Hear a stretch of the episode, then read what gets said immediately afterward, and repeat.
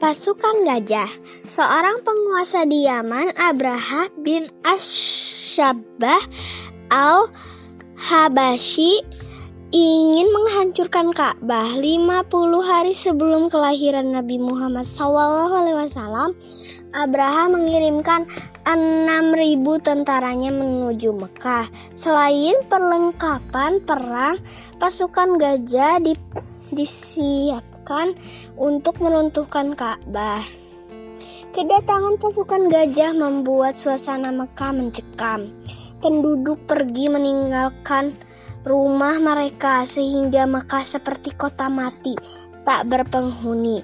Pasukan gajah semakin dekat namun saat berada di Wadi Muhasir dan wilayah antara Muzdafilah dan Mina, gajah-gajah itu berhenti. Mereka tidak mau berjalan menuju Ka'bah.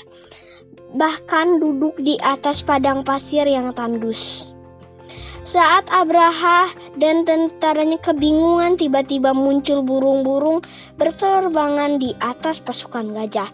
Tanpa diduga, Burung-burung itu melemparkan bebatuan yang terbakar. Abraha dan pasukannya lari tunggang langgang.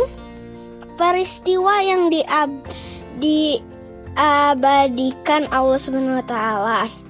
Dalam surat Al-Fil ini menyebabkan tahun kelahiran Nabi Muhammad disebut tahun gajah.